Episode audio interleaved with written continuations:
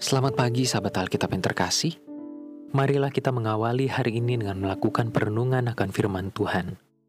Bacaan Alkitab kita pada pagi hari ini berasal dari kitab Keluaran pasalnya yang ke-16, ayatnya yang ke-9 sampai ayatnya yang ke-16. Kata Musa kepada Harun, Katakanlah kepada segenap jemaah Israel, Marilah dekat ke hadapan Tuhan, sebab ia telah mendengar sungut-sungutmu.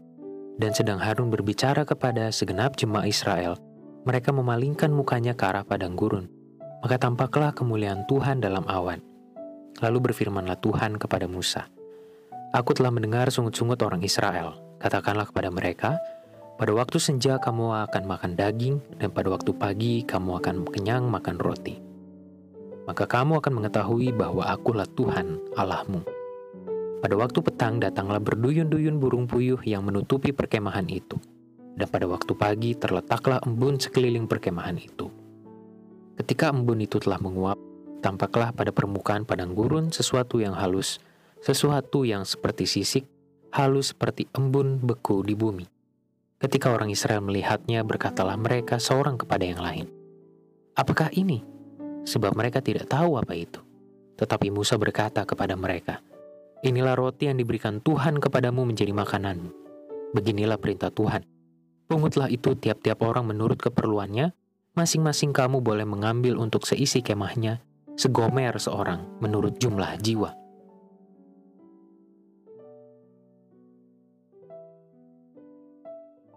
Cara Tuhan merespons bangsa Israel secara khusus pada saat mereka bersungut-sungut kepadanya sangat mendidik dan mengubahkan. Maksudnya, Tuhan tidak memberikan respons yang sifatnya aksidental atau hanya sekedar menjawab apa yang menjadi tuntutan dari sungut-sungut bangsa Israel kepadanya. Tuhan justru menjawab sungut-sungut mereka dengan tindakan yang membawa perubahan karakter. Bangsa Israel bersungut-sungut dan menuntut agar tersedia makanan bagi mereka – Tuhan memang menjawab tuntutan mereka, namun respons itu bukan sekedar pemenuhan akan tuntutan bangsa Israel, melainkan juga sebagai pembentukan karakter dan iman bangsa tersebut.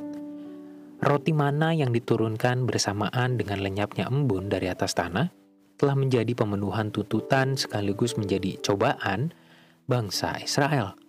Secara spesifik Tuhan telah mengungkapkan hal itu kepada Musa. Pada ayat 4 Tuhan berkata, supaya mereka kucoba apakah mereka hidup menurut hukumku atau tidak. Dan pada ayat 16 Tuhan memberikan perintah, pungutlah itu tiap-tiap orang menurut keperluannya.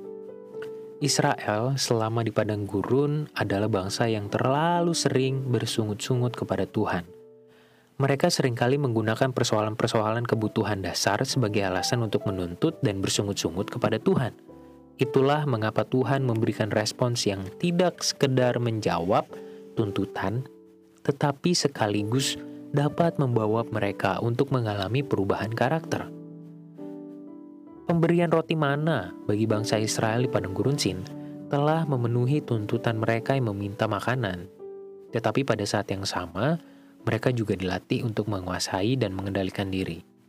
Sahabat Alkitab, marilah kita gunakan kisah bangsa Israel yang mendapatkan roti mana dari Tuhan ini sebagai cermin untuk berefleksi.